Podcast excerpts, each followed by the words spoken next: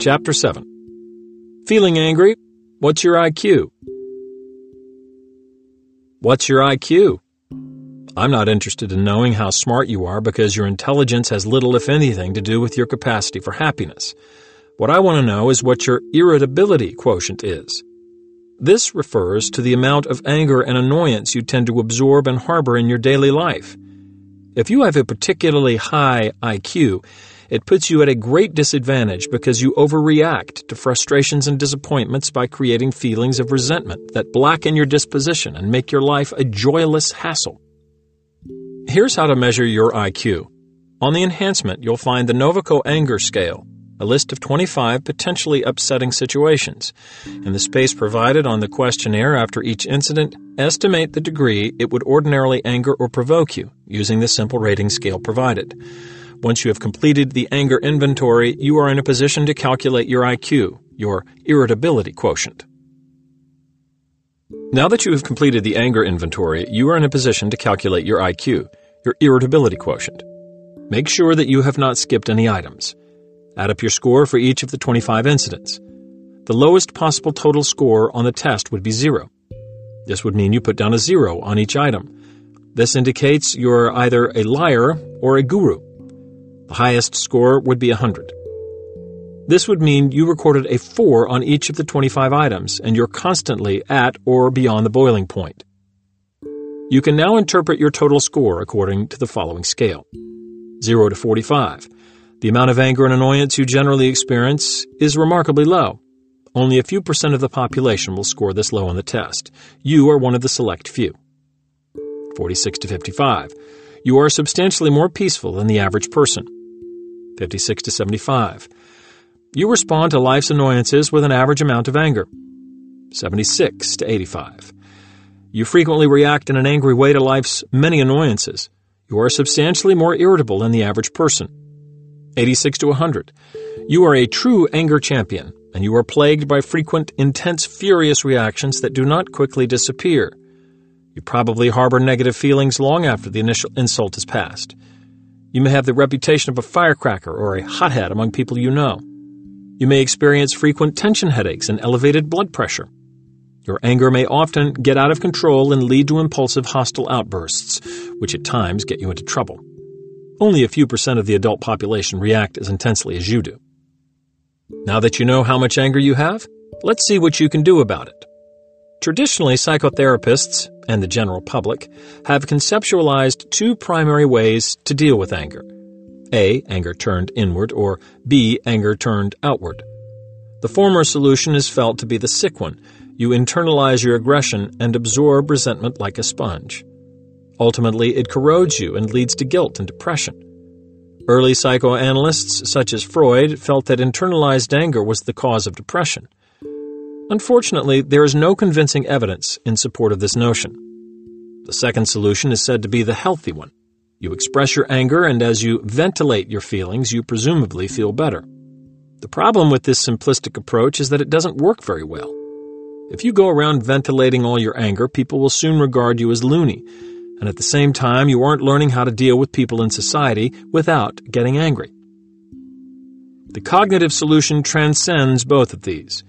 You have a third option stop creating your anger. You don't have to choose between holding it in or letting it out because it won't exist. In this chapter, I provide guidelines to help you assess the pros and cons of experiencing anger in a variety of situations so you can decide when anger is and isn't in your best self interest. If you choose, you can develop control over your feelings. You will gradually cease to be plagued by excessive irritability and frustration that sour your life for no good reason. Just who is making you angry? People? Shit. I'm fed up with them. I need a vacation from people. The woman who recorded this thought at 2 a.m. couldn't sleep.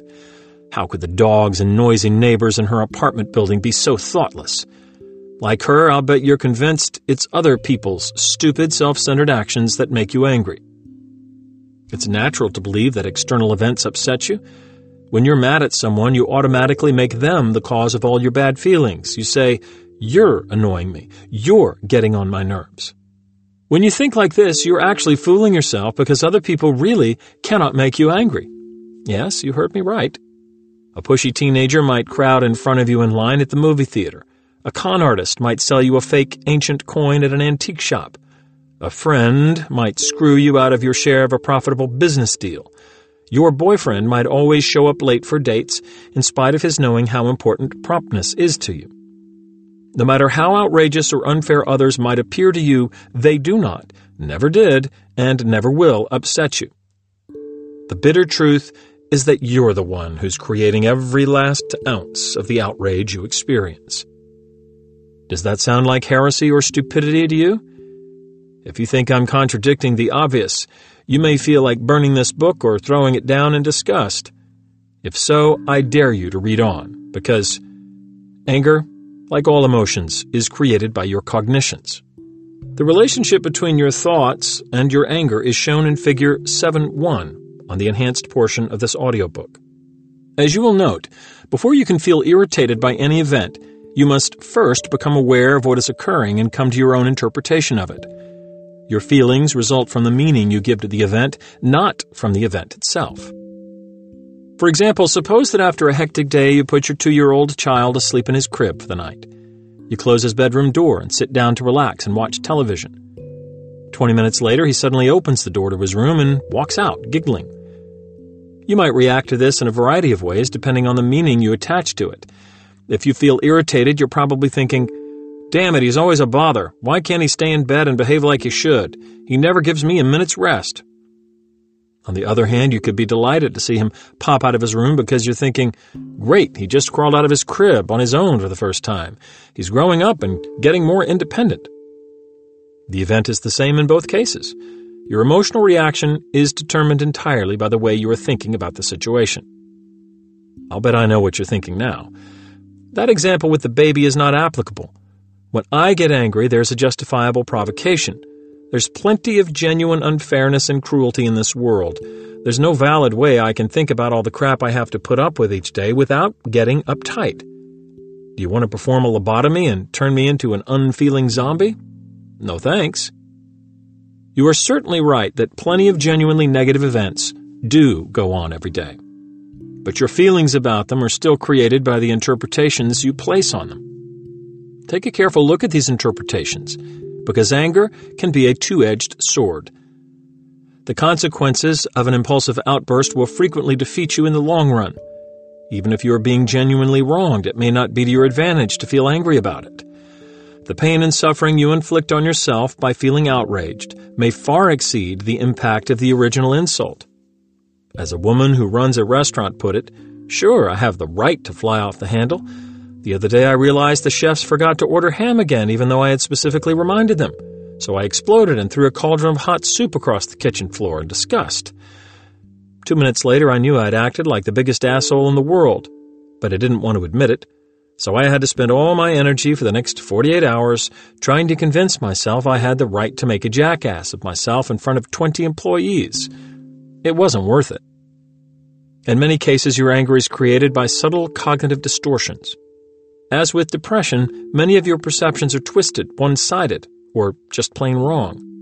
As you learn to replace these distorted thoughts with others that are more realistic and functional, you will feel less irritable and gain greater self control. What kinds of distortion occur most often when you are angry? One of the greatest offenders is labeling. When you describe the person you're mad at as a jerk or a bum or a piece of shit, you see him in a totally negative way.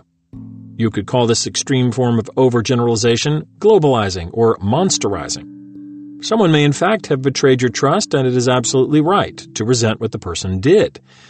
In contrast, when you label someone, you create the impression that he or she has a bad essence. You are directing your anger toward what that person is.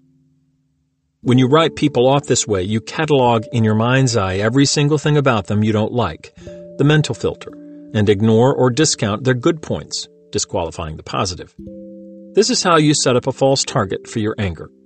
In reality, every human being is a complex mix of positive, negative, and neutral attributes.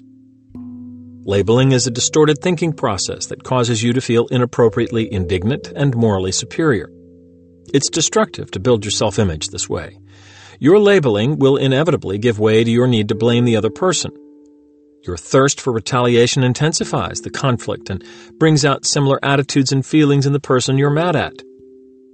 Labeling inevitably functions as a self fulfilling prophecy. You polarize the other person and bring about a state of interpersonal warfare. What's the battle really all about? Often you're involved in a defense of your self esteem. The other person may have threatened you by insulting or criticizing you, or by not loving or liking you, or by not agreeing with your ideas.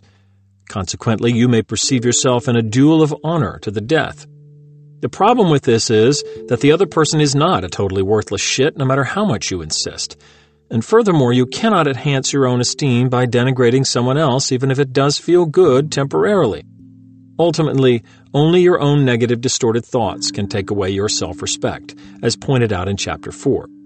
There is one and only one person in this world who has the power to threaten your self esteem, and that is you.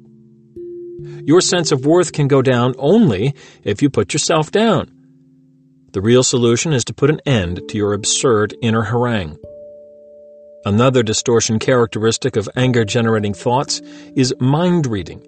You invent motives that explains to your satisfaction why the other person did what he or she did. These hypotheses are frequently erroneous because they will not describe the actual thoughts and perceptions that motivated the other person. Due to your indignation, it may not occur to you to check out what you are saying to yourself. Common explanations you might offer for the other person's objectionable behavior would be he has a mean streak. She's unfair. He's just like that. She's stupid. They're bad kids, and so forth. The problem with these so called explanations is that they are just additional labels that don't really provide any valid information. In fact, they are downright misleading. Here's an example. Joan got hot under the collar when her husband told her he'd prefer to watch the Sunday football game on TV rather than go with her to a concert. She felt miffed because she told herself, he doesn't love me. He always has to get his own way. It's unfair. The problem with Joan's interpretation is that it is not valid. He does love her. He doesn't always get his way, and he isn't intentionally being unfair. On this particular Sunday, the Dallas Cowboys are locking spurs with the Pittsburgh Steelers, and he really wants to see that game. There's no way he's going to want to get dressed and go to a concert. When Joan thinks about her husband's motivations in such an illogical fashion, she creates two problems for the price of one. She has to put up with the self created illusion that she's unloved, in addition to missing out on his company at the concert. The third form of distortion that leads to anger is magnification. If you exaggerate the importance of the negative event, the intensity and duration of your emotional reaction may get blown up out of all proportion. For example, if you're waiting for a late bus and you have an important appointment, you might tell yourself, I can't take this. Isn't that a slight exaggeration? Since you are taking it, you can take it, so why tell yourself you can't? The inconvenience of waiting for the bus is bad enough without creating additional discomfort and self pity in this way. Do you really want to fume like that? Inappropriate should and shouldn't statements represent the fourth type of distortion that feeds your anger. When you find that some people's actions are not to your liking, you tell yourself they shouldn't have done what they did, or they should have done something they failed to do. For example, suppose you register at a hotel and discover they lost the record of your reservation, and now there are no rooms available. You furiously insist, This shouldn't have happened. Those stupid goddamn clerks. Does the actual deprivation cause your anger? No. The deprivation can only create a sense of loss, disappointment, or inconvenience. Before you can feel anger, you must necessarily make the interpretation you are entitled to get what you want in this situation. Consequently, you see the goof up on your reservation as an injustice. This perception leads to your feeling angry. So, what's wrong with that? When you say the clerks shouldn't have made a mistake, you are creating unnecessary frustration for yourself. It's unfortunate your reservation was lost, but it's highly unlikely anyone intended to treat you unjustly, or that the clerks are especially stupid but they did make an error. When you insist on perfection from others, you will simply make yourself miserable and become immobilized. Here's the rub your anger probably won't cause a room to appear magically, and the inconvenience of going to another hotel will be far less than the misery you inflict on yourself by brooding for hours or days about the lost reservation. Irrational should statements rest on your assumption that you are entitled to instant gratification at all times. So, on those occasions when you don't get what you want, you go into panic or rage because of your attitude that unless you get X, you will either die or be tragically deprived of joy forever. X can represent love, affection, status, respect, promptness, perfection, niceness, etc. This insistence that your wants be gratified at all times is the basis for much self defeating anger. People who are anger prone often formulate their desires in moralistic terms, such as this If I'm nice to someone, they should be appreciative. Other people have free will and often think and act in ways that aren't to your liking. All of your insistence that they must fall in line with your desires and wishes will not produce this result. The opposite is more often true. Your attempts to coerce and manipulate people with angry demands most often will alienate and polarize them and make them much less likely to want to please you. This is because other people don't like being controlled or dominated any more than you do. Your anger will simply limit the creative possibilities for problem solving. The perception of unfairness or injustice is the ultimate cause of most, if not all, anger. In fact, we could define anger as the emotion which corresponds in a one to one manner to your belief that you are being treated unfairly. Now we come to a truth you may see either as a bitter pill or an enlightening revelation. There is no such thing as a universally accepted concept of fairness and justice. There is an undeniable relativity of fairness, just as Einstein showed the relativity of time and space. Einstein postulated, and it has since been experimentally validated, there is no absolute time that is standard throughout the universe. Time can appear to speed up and slow down, and is relative to the frame of reference of the observer. Similarly, absolute fairness does not exist. Fairness is relative to the observer, and what is fair to one person can appear quite unfair to another. Even social rules and moral strictures, which are accepted within one culture, can vary substantially in another. You can protest that this is not the case and insist that your own personal moral system is universal, but it just ain't so. Here's proof. When a lion devours a sheep, is this unfair? From the point of view of the sheep, it is unfair. He's being viciously and intentionally murdered with no provocation. From the point of view of the lion, it is fair. He's hungry and this is the daily bread he feels entitled to. Who is right? There is no ultimate or universal answer to this question because there's no absolute fairness floating around to resolve the issue. In fact, fairness is simply a perceptual interpretation, an abstraction, a self created concept. How about when you eat a hamburger? Is this unfair? To you, it's not. From the point of view of the cow, it certainly is, or was. Who's right? There is no ultimate true answer. In spite of the fact that absolute fairness does not exist, personal and social moral codes are important and useful. I am not recommending anarchy. I am saying that moral statements and judgments about fairness are stipulations, not objective facts. Social moral systems, such as the Ten Commandments, are essentially sets of rules that groups decide to abide by. One basis for such systems is the enlightened self interest of each member of the group. If you fail to act in a manner that takes into account the feelings and interests of others, you are likely to end up less happy because sooner or later they will retaliate when they notice you are taking advantage of them. A system which defines fairness varies in its generality depending on how many people accept it. When a rule of behavior is unique to one person, other people may see it as eccentric. An example of this would be my patient who washes her hands ritualistically over 50 times a day to set things right and to avoid extreme feelings of guilt and anxiety. When a rule is nearly universally accepted, it becomes part of a general moral code and may become a part of the body of law.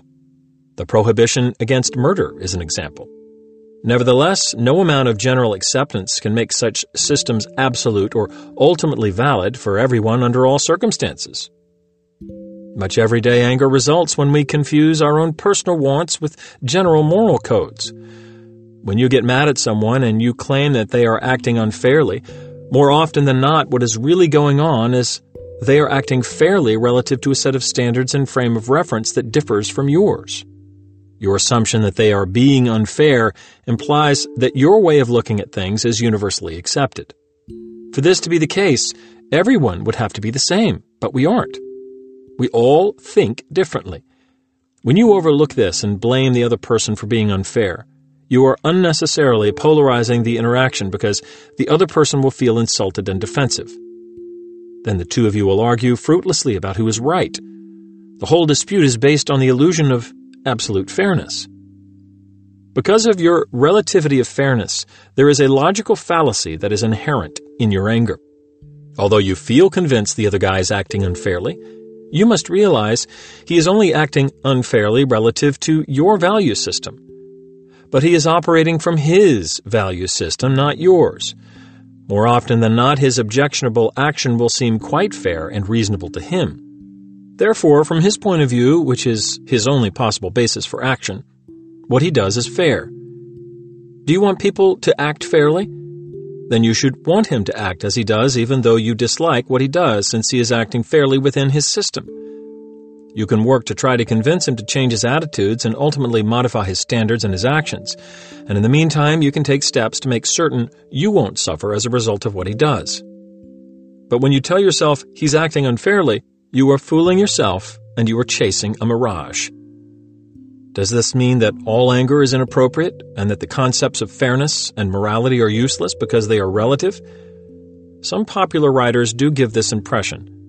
Dr. Wayne Dyer writes, We are conditioned to look for justice in life, and when it doesn't appear, we tend to feel anger, anxiety, or frustration. Actually, it would be equally productive to search for the fountain of youth, or some such myth. Justice does not exist. It never has, and it never will. The world is simply not put together that way. Robins eat worms. That's not fair to the worms. You have only to look at nature to realize there is no justice in the world.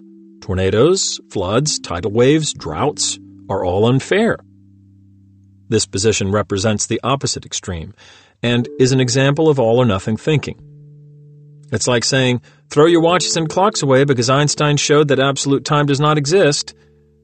The concepts of time and fairness are socially useful, even though they do not exist in an absolute sense.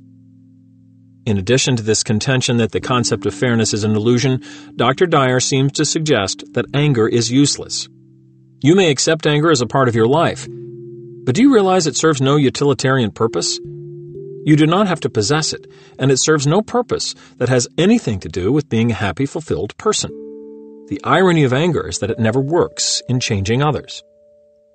Again, his arguments seem to be based on cognitive distortion. To say anger serves no purpose is just more all or nothing thinking, and to say it never works is an overgeneralization. Actually, anger can be adaptive and productive in certain situations. So the real question is not, should I or should I not feel anger, but rather, where will I draw the line? The following two guidelines will help you to determine when your anger is productive and when it is not. These two criteria can help you synthesize what you are learning and to evolve a meaningful personal philosophy about anger. 1. Is my anger directed towards someone who has knowingly, intentionally, and unnecessarily acted in a hurtful manner? 2. Is my anger useful? Does it help me achieve a desired goal, or does it simply defeat me? Example, you're playing basketball and a fellow on the other team elbows you in the stomach intentionally so as to upset you and get you off your game. You may be able to channel your anger productively so you will play harder and win. So far, your anger is adaptive. Once the game is over, you may no longer want that anger. Now it's maladaptive. Suppose your three year old son runs mindlessly into the street and risks his life. In this case, he is not intentionally inflicting harm. Nevertheless, the angry mode in which you express yourself may be adaptive. The emotional arousal in your voice conveys a message of alarm and importance that might not come across if you were to deal with him in a calm, totally objective manner. In both these examples, you chose to be angry, and the magnitude and expression of the emotion were under your control. The adaptive and positive effects of your anger differentiate it from hostility, which is impulsive and uncontrolled and leads to aggression. Suppose you are enraged about some senseless violence you read about in the paper.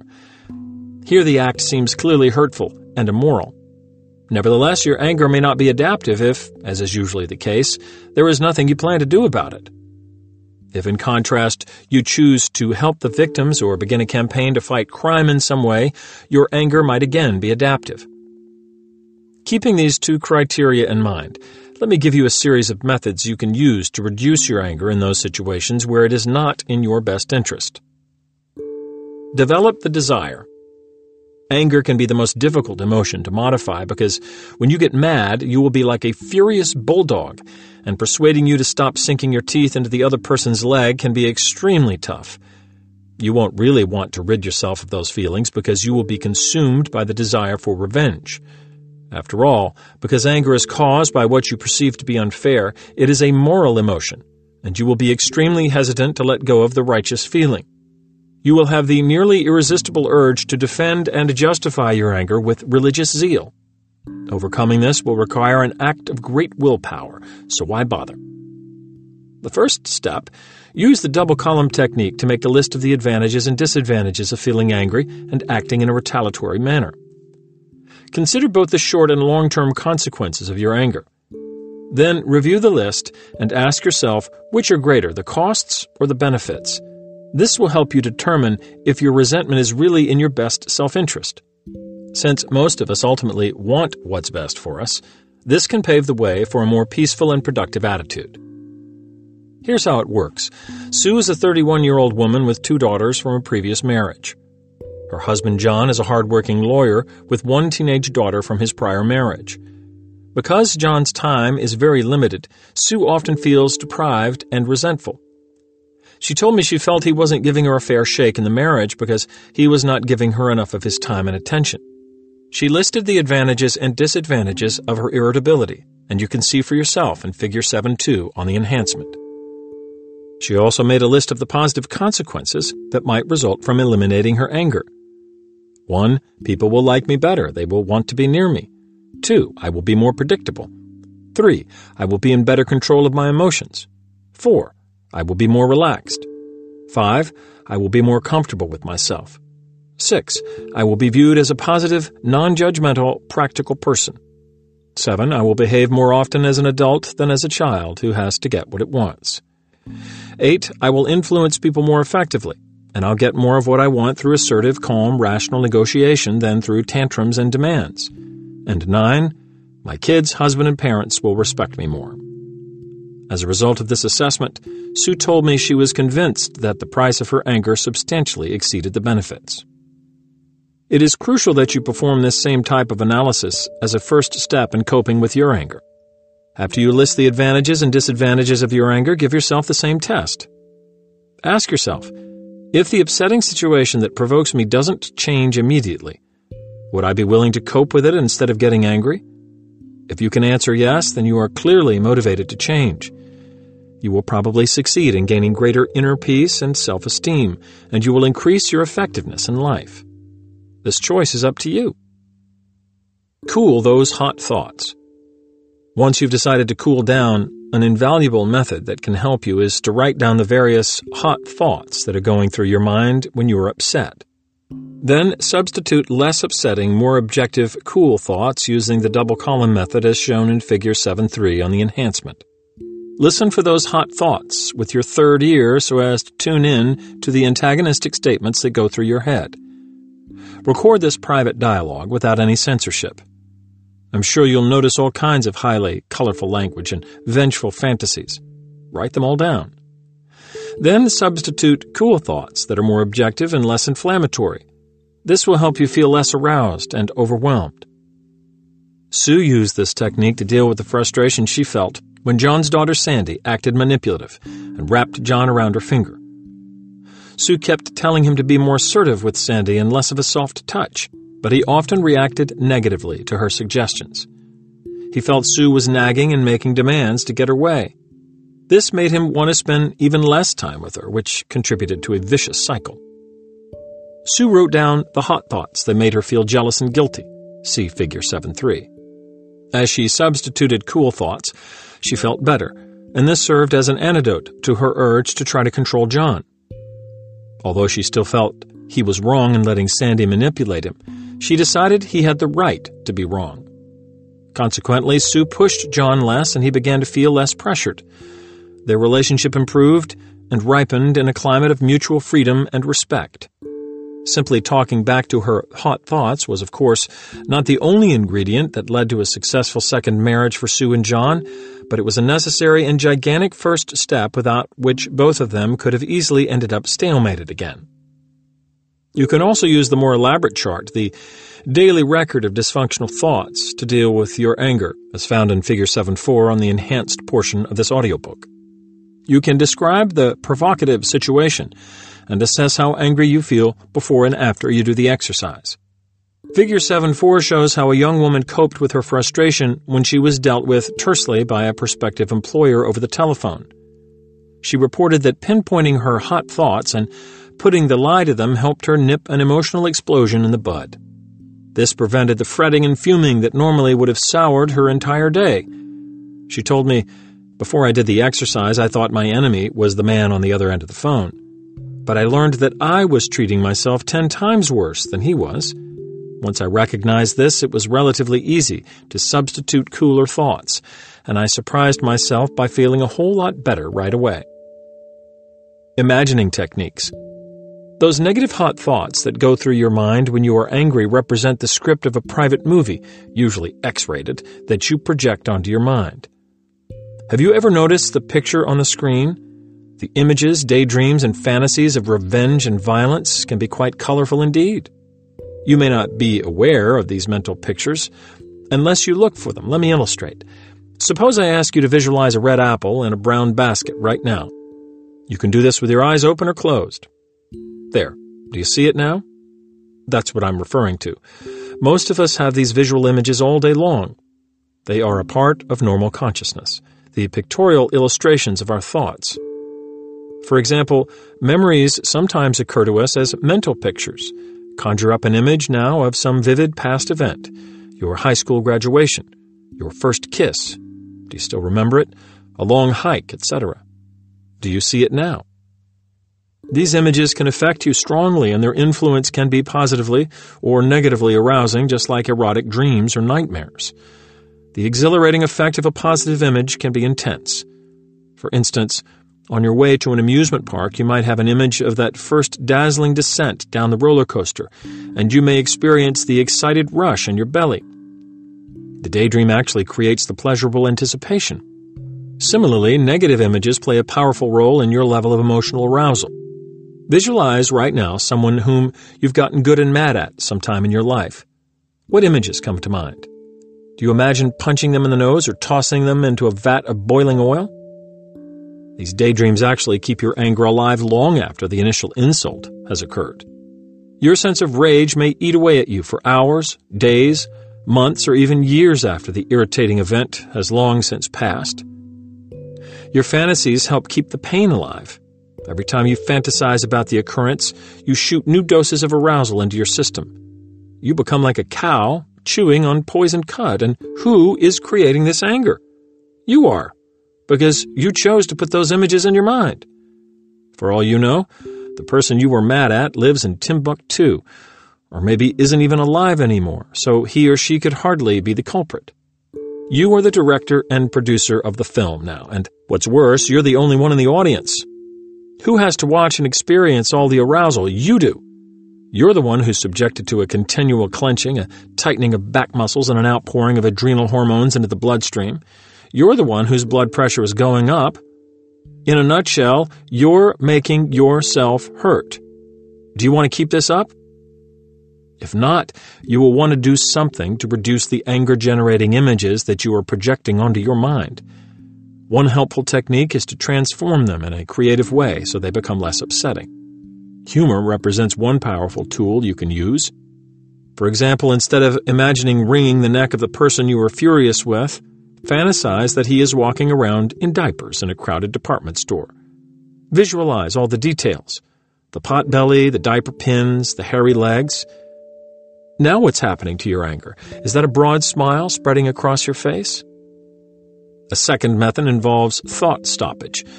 As you notice the images crossing your mind each day, remind yourself that you have the right to turn the projector off. Think about something else. Find someone and engage him or her in conversation. Read a good book, bake bread, go jogging. When you don't reward the anger images with your arousal, they will recur less and less often. Instead of dwelling on them, think about an upcoming event that excites you or switch to an erotic fantasy. If the upsetting memory is persistent, engage in vigorous physical exercise, such as push ups, rapid jogging, or swimming. These have the additional benefit of rechanneling your potentially hurtful arousal in a highly beneficial way. Rewrite the rules. You may frustrate and upset yourself needlessly because you have an unrealistic rule about personal relationships that causes you to be let down all the time. The key to Sue's anger was her belief she was entitled to John's love because of her rule. If I'm a good and faithful wife, I deserve to be loved. As a result of this innocent sounding assumption, Sue experienced a constant sense of danger in her marriage because anytime John wasn't giving her an appropriate helping of love and attention, she would experience it as confirmation of her inadequacy. She would then manipulate and demand attention and respect in a constant battle to defend herself against a loss of self esteem. Intimacy with him became like slipping slowly toward the edge of an icy cliff. No wonder she was desperately grabbing onto John, and no wonder she would explode when she sensed his indifference. Didn't he realize her life was at stake? In addition to the intense unpleasantness that her love rule created, it didn't work well in the long run. For a while, Sue's manipulations did, in fact, get her some of the attention she craved, after all, she could intimidate John with her emotional explosions. She could punish him with her icy withdrawal, and she could manipulate him by arousing his guilt. But the price Sue pays is that the love she receives isn't and can't be given freely and spontaneously. He will feel exhausted, trapped, and controlled. The resentment he's been storing up will press for release when he stops buying into her belief that he has to give in to her demands his desire for freedom will overpower him and he will explode. The destructive effects of what passes for love never cease to amaze me. If your relationships are characterized by this cyclic tension and tyranny, you may be better off rewriting the rules. If you adopt a more realistic attitude, you can end your frustration. It's much easier than trying to change the world. Sue decided to revise her love rule in the following way. If I behave in a positive manner toward John, he will respond in a loving way a good bit of the time. I can still respect myself and function effectively when he doesn't. This formulation of her expectations was more realistic and didn't put her moods and self esteem at the mercy of her husband. The rules that get you into interpersonal difficulty often won't appear to be malignant. On the contrary, they often seem highly moral and humanistic. I recently treated a woman named Margaret who had the notion that marriages should be 50 50. Each partner should do for the other equally. She applied this rule to all human relationships. If I do nice things for people, they should reciprocate. So what's wrong with that? It certainly sounds reasonable and fair. It's a kind of a spin off from the Golden Rule. Here's what's wrong with it. It's an undeniable fact that human relationships, including marriages, are rarely spontaneously reciprocal because people are different.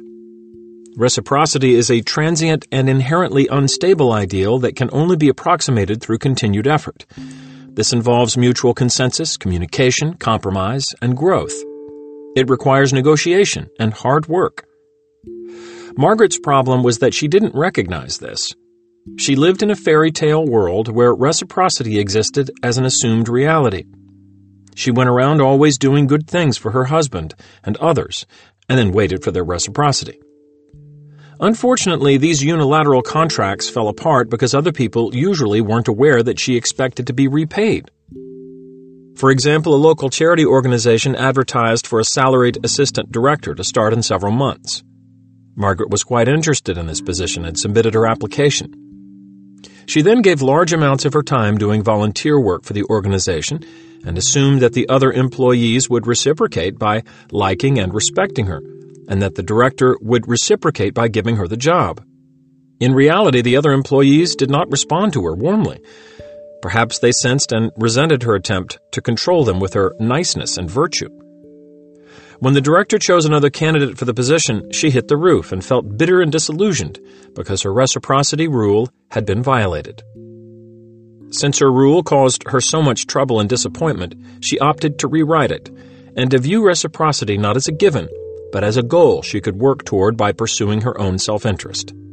At the same time, she relinquished her demand that others read her mind and respond as she wanted. Paradoxically, as she learned to expect less, she got more. If you have a should or shouldn't rule that has been causing you disappointment and frustration, rewrite it in more realistic terms. A number of examples to help you do this are shown in Figure 7.5 on the enhancement. You will notice that the substitution of one word, it would be nice if, in place of should, can be a useful first step. Learn to expect craziness. As the anger in Sue's relationship with John cooled down, they became closer and more loving. However, John's daughter, Sandy, responded to his increased intimacy by even greater manipulations. She began to lie, borrowed money without returning it. She sneaked into Sue's bedroom, went through drawers, and stole Sue's personal items. She left the kitchen messy, etc. All these actions effectively got Sue's goat because she told herself, Sandy shouldn't act so sneaky. She's crazy. It's unfair. Sue's sense of frustration was the product of two necessary ingredients. One, Sandy's obnoxious behavior. Two, Sue's expectation that she should act in a more mature way. Since the evidence suggested that Sandy wasn't about to change, Sue had only one alternative. She could discard her unrealistic expectation that Sandy behave in an adult, ladylike fashion she decided to write the following memo to herself entitled, Why Sandy Should Act Obnoxiously. It is Sandy's nature to be manipulative because she believes that she's entitled to love and attention. She believes that getting love and attention is a matter of life and death. She thinks she needs to be the center of attention in order to survive. Therefore, she will see any lack of love as unfair and a great danger to her sense of self esteem. Because she feels she has to manipulate in order to get attention, she should act in a manipulative way. Therefore, I can expect and predict that she will continue to act this way until she changes.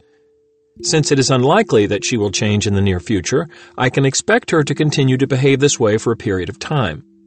Therefore, I will have no reason to feel frustrated or surprised because she will be acting the way she should act. Furthermore, I want all humans, including Sandy, to act in a manner that they believe to be fair. Sandy feels she's entitled to more attention. Since her obnoxious behavior is based on her sense of entitlement, I can remind myself that what she does is fair from her point of view.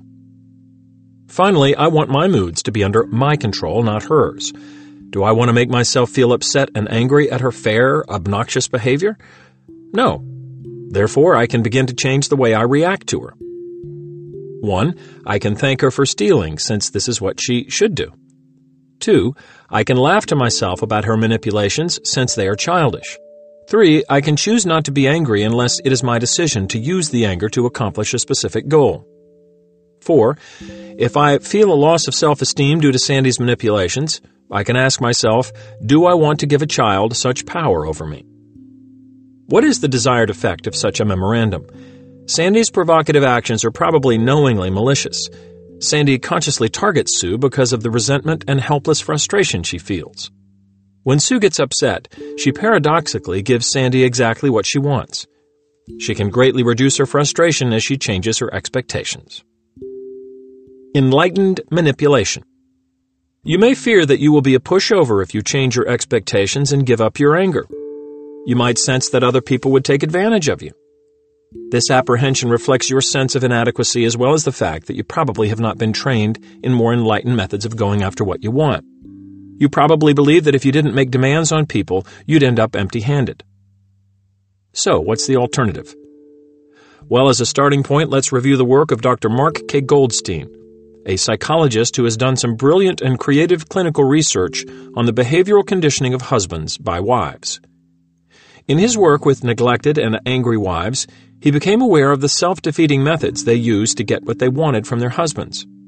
He asked himself, What have we learned in the laboratory about the most effective scientific methods for influencing all living organisms, including bacteria, plants, and rats? Can we apply these principles to wayward and sometimes brutal husbands? The answer to these questions was straightforward. Reward the desired behavior instead of punishing the undesired behavior. Punishment causes aversion and resentment and brings about alienation and avoidance. Most of the deprived and abandoned wives he treated were misguidedly trying to punish their husbands into doing what they wanted. By switching them to a reward model in which the desired behavior got copious attention, he observed some dramatic turnabouts. The wives Dr. Goldstein treated were not unique. They were ensnarled in the ordinary marital conflicts that most of us confront. These women had a long history of giving their spouses attention either indiscriminately or, in some cases, primarily in response to undesirable behavior. A major shift had to occur in order for them to elicit the kind of response they desired from their husbands, but were not getting. By keeping meticulous scientific records of their interactions with their husbands, the women were able to achieve control over how they responded. Here's how it worked for one of Dr. Goldstein's patients. After years of fighting, wife X reported she lost her husband. He abandoned her and moved in with his girlfriend. His primary interactions with wife X had centered around abuse and indifference. It appeared on the surface as if he didn't care much about her. Nevertheless, he did call her occasionally, indicating he might have some interest in her.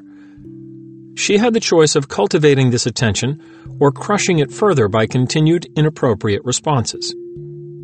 Wife X defined her goals. She would experiment to see if she could, in fact, get her husband back. The first milestone would be to determine if she could effectively increase his rate of contact with her. She measured meticulously the frequency and duration of his every telephone call and visit home, recording this information on a piece of graph paper taped to the refrigerator door. She carefully assessed the crucial relationship between her behavior, the stimulus, and the frequency of his contacts, the response. She initiated no contact with him at all on her own, but instead responded positively and affectionately to his calls. Her strategy was straightforward. Rather than noticing and reacting to all the things about him that she didn't like, she began to reinforce systematically those that she did like. The rewards she used were all the things that turned him on praise, food, sex, affection, etc. She began by responding to his rare calls in an upbeat, positive, complimentary manner. She flattered and encouraged him. She avoided any criticism, argument, demands, or hostility, and found a way to agree with everything he said, using the disarming technique described in Chapter 7. Initially, she terminated all these calls after five to ten minutes to ensure the likelihood the conversations would not deteriorate into an argument or become boring to him. This guaranteed that her feedback would be pleasant to him, and that his response to it would not be suppressed or eliminated. After she did this a few times, she noticed her husband began to call more and more frequently because the calls were positive, rewarding experiences for him. She noted this increased rate of telephoning on her graph paper just as a scientist observes and documents the actions of an experimental rat. As his phone calls increased, she began to feel encouraged, and some of her irritation and resentment melted away. One day he appeared at the house, and according to her plan, she announced, I'm so happy you dropped by because I just happen to have a fresh, fancy imported Cuban cigar in the freezer for you. It's the expensive type you really like. She actually had a whole box of them waiting, so she was able to repeat this each time he visited, regardless of why or when he came. She noticed the frequency of his visits substantially increased. In a similar manner, she continued to shape his behavior using rewards rather than coercion. She realized how successful she had been when her husband decided to leave his girlfriend and asked if he could move back in with her. Am I saying that is the only way to relate and to influence people? No, that would be absurd. It's just a pleasant spice, not the whole banquet or even the main course. But it's a frequently overlooked delicacy that few appetites can resist. There's no guarantee it will work, some situations may be irreversible, and you can't always get what you want.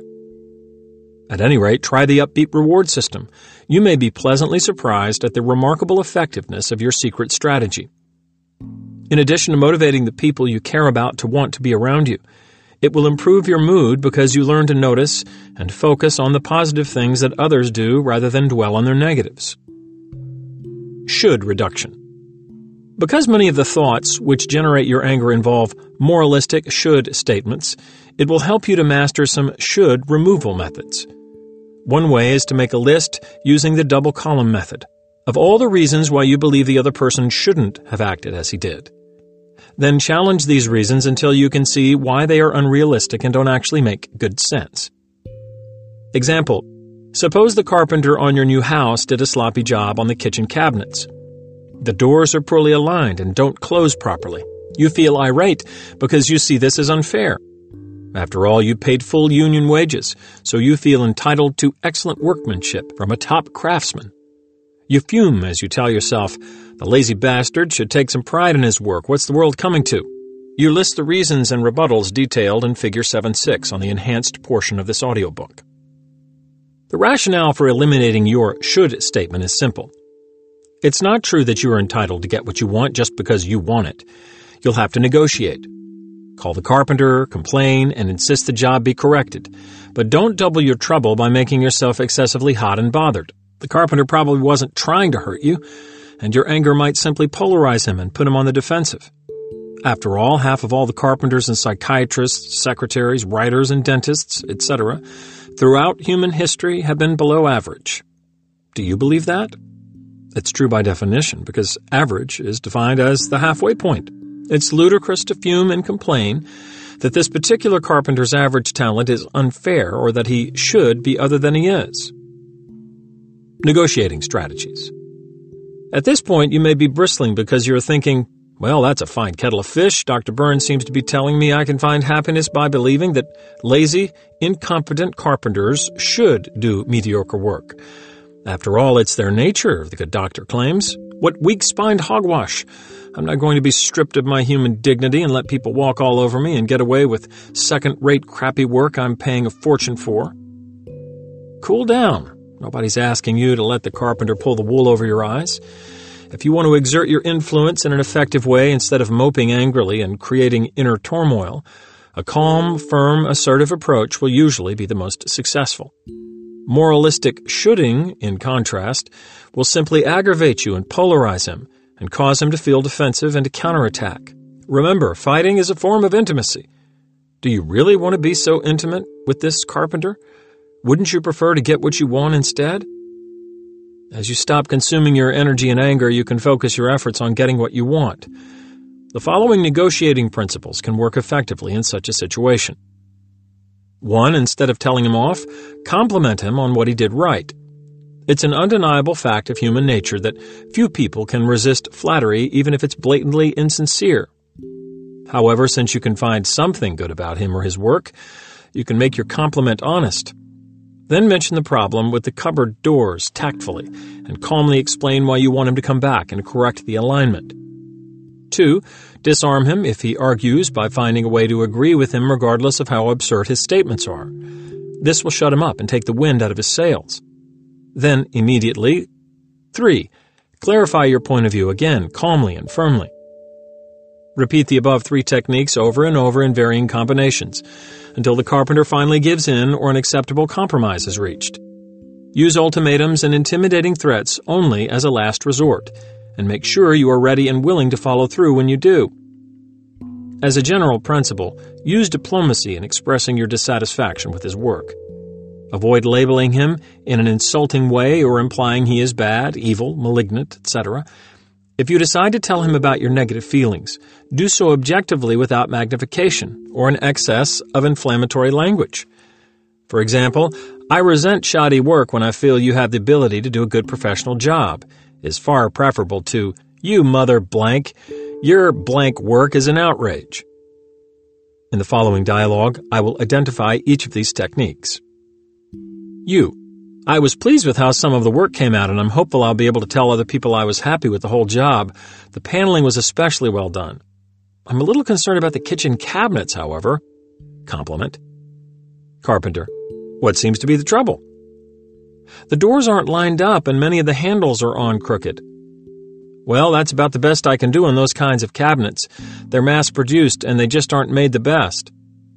Well, that's true, they aren't as well made as a more expensive type might be. Disarming technique. Nevertheless, they aren't acceptable this way, and, and I'd appreciate it if you'd do something to make them more presentable. Clarification. Tact. You'll have to talk to the manufacturer the builder. There's nothing I can do about it. I can understand your frustration, disarming technique, but it's your responsibility to complete these cabinets to our satisfaction. They're simply not acceptable. They look shoddy and they don't close properly. I know it's an inconvenience, but my position is that the job can't be considered complete and the bill won't be paid until you've corrected it. Ultimatum. I can see from your other work that you have the skill to make them look right in spite of the extra time it will take. That way, we'll be completely satisfied with your work and we can give you a good recommendation. Compliment. Try these negotiating techniques when you are at a loggerheads with someone. I think you'll find they work more effectively than blowing your stack and you'll feel better because you'll usually end up getting more of what you want. Accurate empathy. Empathy is the ultimate anger antidote. It's the highest form of magic described in this book, and its spectacular effects are firmly entrenched in reality. No trick mirrors are needed. Let's define the word. By empathy, I do not mean the capacity to feel the same way someone else feels. This is sympathy. Sympathy is highly touted, but is, in my opinion, somewhat overrated. By empathy, I do not mean acting in a tender, understanding manner. This is support. Support is also highly valued and overrated. So, what is empathy? Empathy is the ability to comprehend with accuracy the precise thoughts and motivations of other people in such a way that they would say, Yes, that is exactly where I'm coming from. When you have this extraordinary knowledge, you will understand and accept without anger why others act as they do, even though their actions might not be to your liking. Remember, it is actually your thoughts that create your anger and not the other person's behavior. The amazing thing is that the moment you grasp why the other person is acting that way, this knowledge tends to put the lie to your anger producing thoughts. You might ask, if it's so easy to eliminate anger through empathy, why do people get so damn mad at each other every day? The answer is that empathy is difficult to acquire. As humans, we are trapped in our own perceptions and we react automatically to the meanings we attach to what people do. Getting inside the other person's skull requires hard work, and most people don't even know how to do this. Do you? You will learn how in the next few pages. Let's start with an example. A businessman recently sought help because of his frequent episodes of angry outbursts and abusive behavior. When his family or employees didn't do what he wanted, he'd bite their heads off. He usually succeeded in intimidating people, and he enjoyed dominating and humiliating them. But he sensed that his impulsive explosions ultimately caused problems for him because of his reputation as a sadistic hothead. He described a dinner party he attended where the waiter forgot to fill his wine glass. He felt a surge of rage due to his thought, The waiter thinks I'm unimportant. Who the hell does he think he is, anyway? I'd like to wring the mother blank's neck. I use the empathy method to demonstrate to him how illogical and unrealistic his angry thoughts were. I suggested that we do some role playing. He was to play the waiter, and I would act the part of a friend. He was to try to answer my questions as truthfully as possible. The following dialogue evolved David, playing the role of the waiter's friend. I noticed that you didn't fill the wine glass of that businessman there patient, playing the role of waiter. Oh, I see that I didn't fill his glass. Why didn't you fill his glass? Do you think he is an unimportant person? Well, no, it wasn't that. I actually don't know much about him. But didn't you decide that he was an unimportant person and refuse to give him any wine because of that? No, that isn't why I didn't give him any wine. Then why didn't you give him wine? Well, I was daydreaming about my date for tonight. Furthermore, I was looking at that pretty girl across the table. I was distracted by her low cut dress, and I just overlooked his wine glass. This role playing episode created great relief for the patient because by placing himself in the waiter's shoes, he was able to see how unrealistic his interpretation had been. His cognitive distortion was jumping to conclusions, mind reading. He automatically concluded the waiter was being unfair, which made him feel he had to retaliate to maintain his self pride.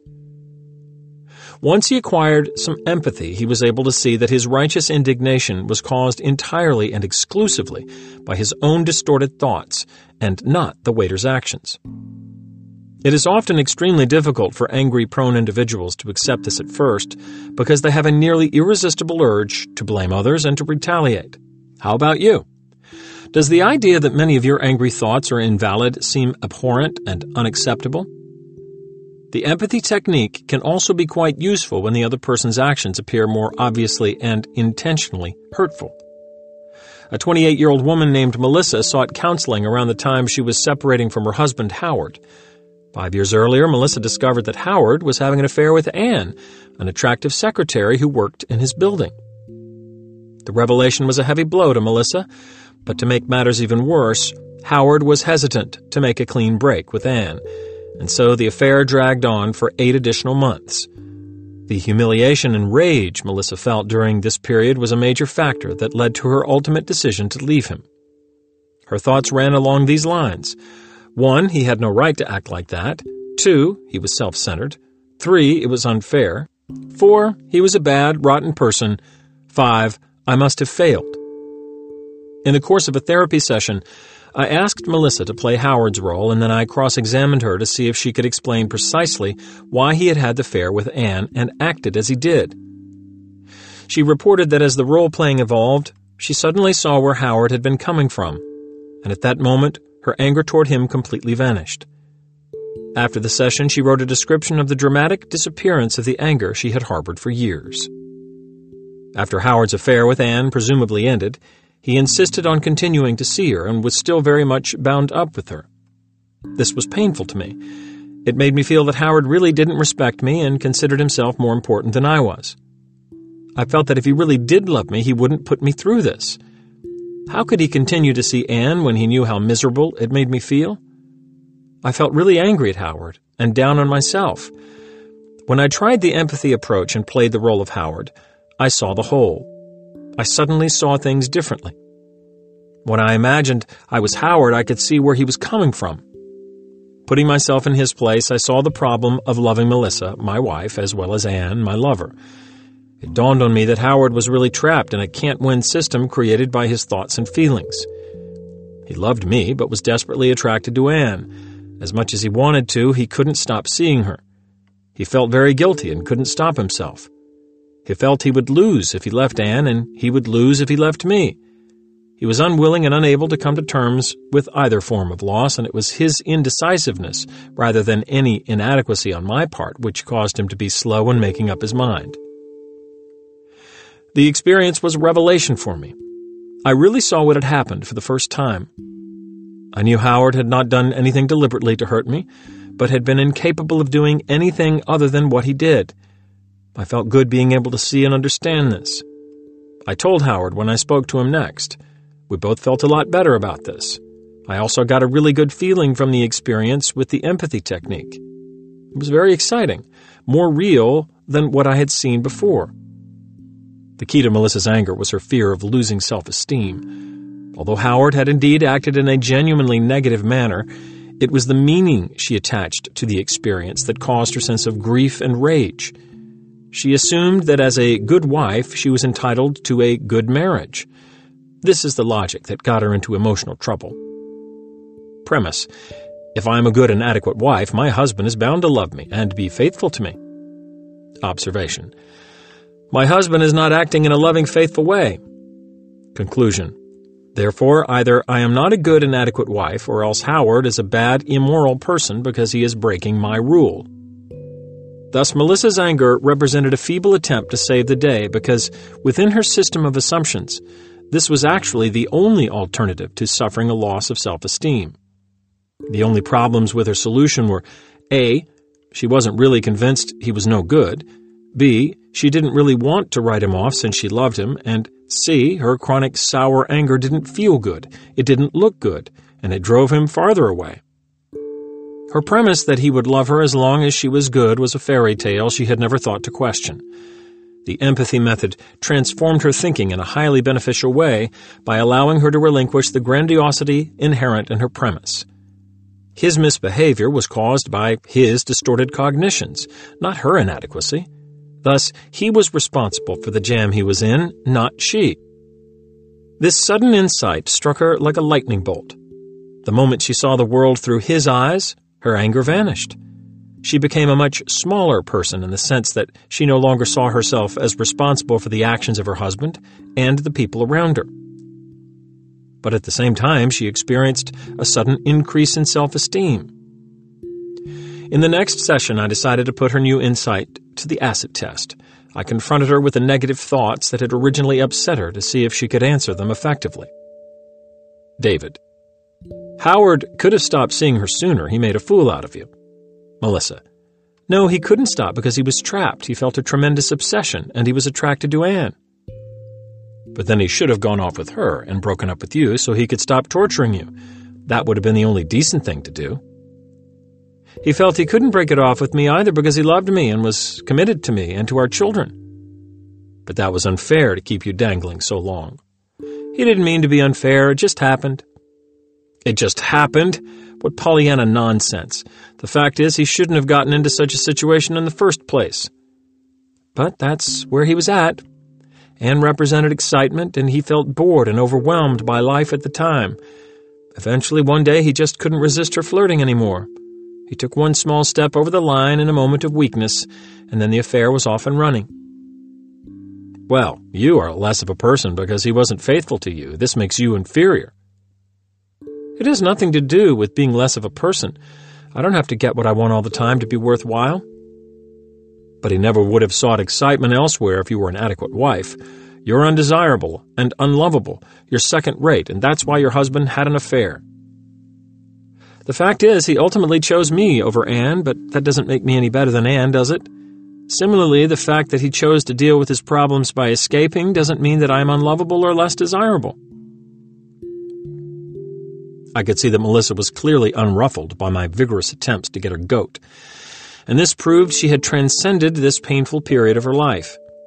She traded in her anger for joy and self esteem. Empathy was the key that freed her from being trapped in hostility, self doubt, and despair. Putting it all together, cognitive rehearsal.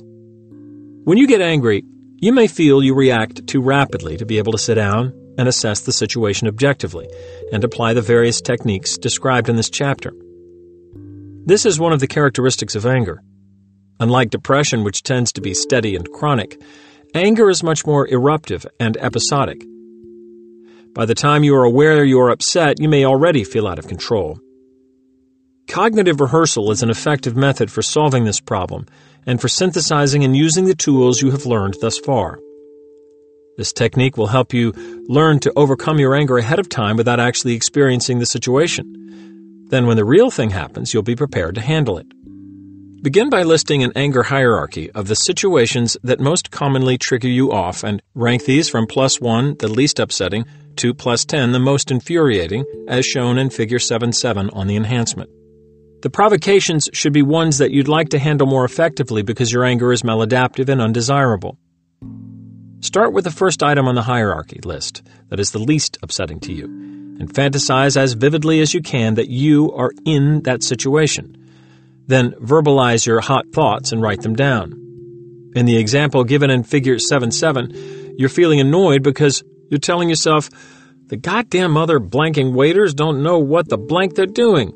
Why don't the lazy bastards get off their butts and move? Who the hell do they think they are? Am I supposed to starve to death before they'll give me a menu and a glass of water? Next, fantasize flying off the handle, telling off the maitre d' and storming out and slamming the restaurant door. Now record how upset you feel between 0 and 100%.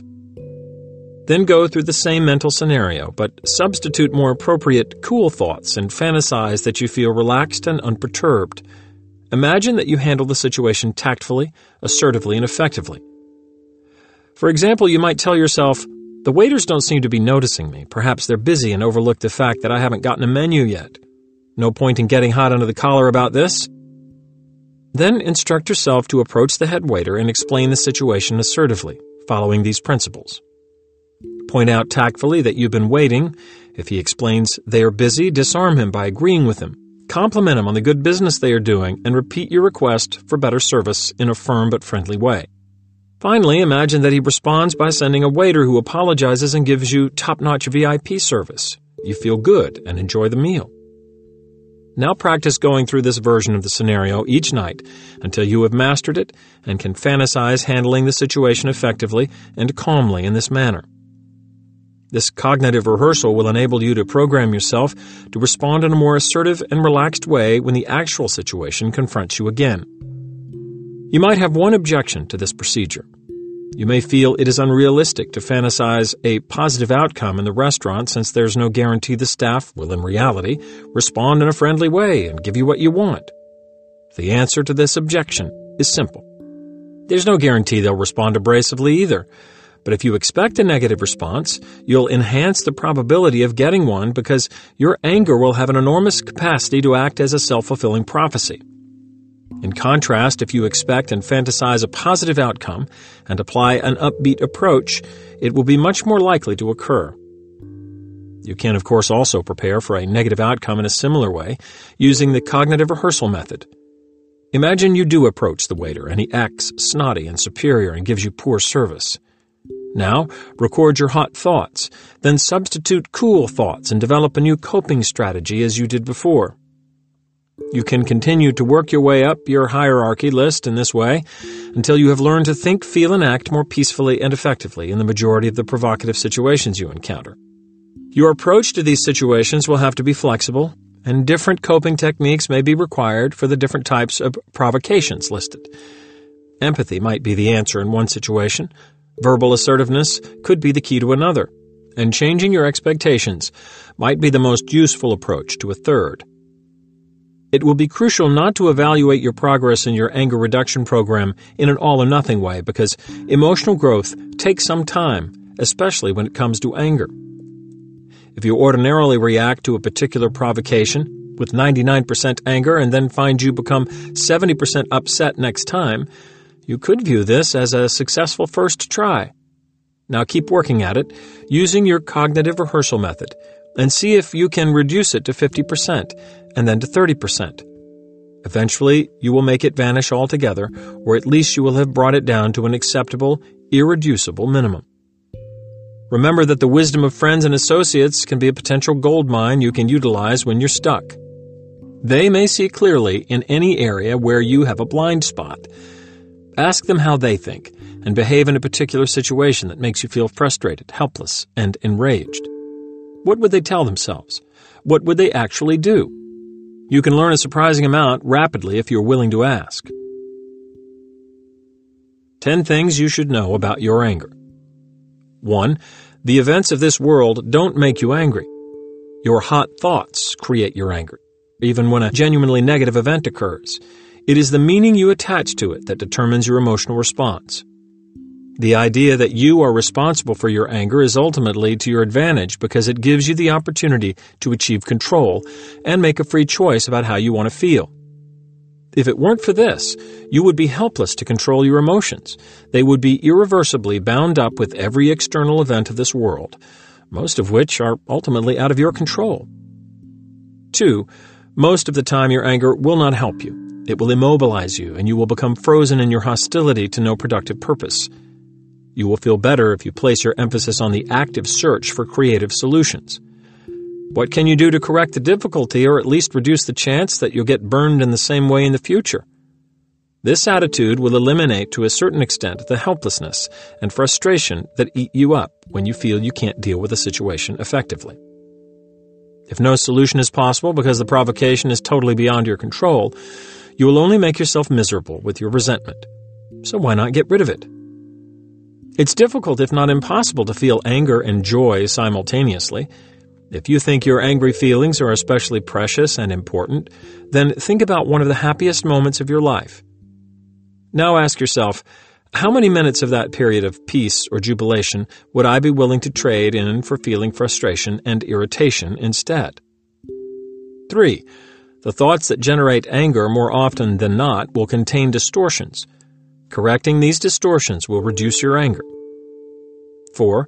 Ultimately, your anger is caused by your belief that someone is acting unfairly or some event is unjust.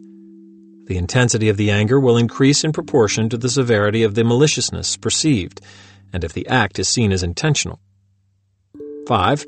If you learn to see the world through other people's eyes, you will often be surprised to realize their actions are not unfair from their point of view. The unfairness in these cases turns out to be an illusion that exists only in your mind.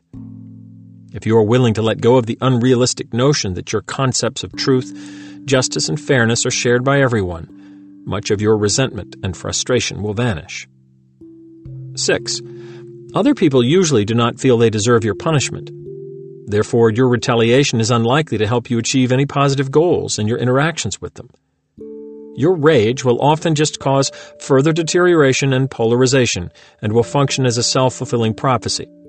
Even if you temporarily get what you want, any short term gains from such hostile manipulation will often be more than counterbalanced by a long term resentment and retaliation from the people you are coercing. No one likes to be controlled or forced. This is why a positive reward system works better. 7. A great deal of your anger involves your defense against loss of self esteem when people criticize you, disagree with you, or fail to behave as you want them to. Such anger is always inappropriate, because only your own negative distorted thoughts can cause you to lose self-esteem. When you blame the other guy for your feelings of worthlessness, you are always fooling yourself. 8. Frustration results from unmet expectations. Since the event that disappointed you was a part of reality, it was realistic. Thus, your frustration always results from your unrealistic expectation. You have the right to try to influence reality to bring it more in line with your expectations, but this is not always practical, especially when these expectations represent ideals that don't correspond to everyone else's concept of human nature. The simplest solution would be to change your expectations. For example, some unrealistic expectations that lead to frustration include A. If I want something, love, happiness, a promotion, etc., I deserve it. B. If I work hard at something, I should be successful. C. Other people should try to measure up to my standards and believe in my concept of fairness. D. I should be able to solve any problems quickly and easily. E. If I'm a good wife, my husband is bound to love me. F. People should think and act the way I do. G. If I'm nice to someone, they should reciprocate. 9.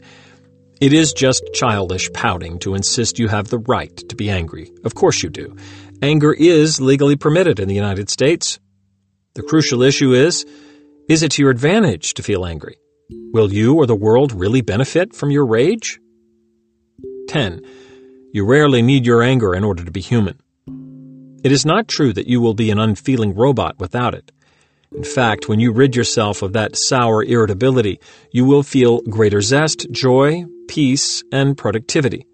You will experience liberation and enlightenment.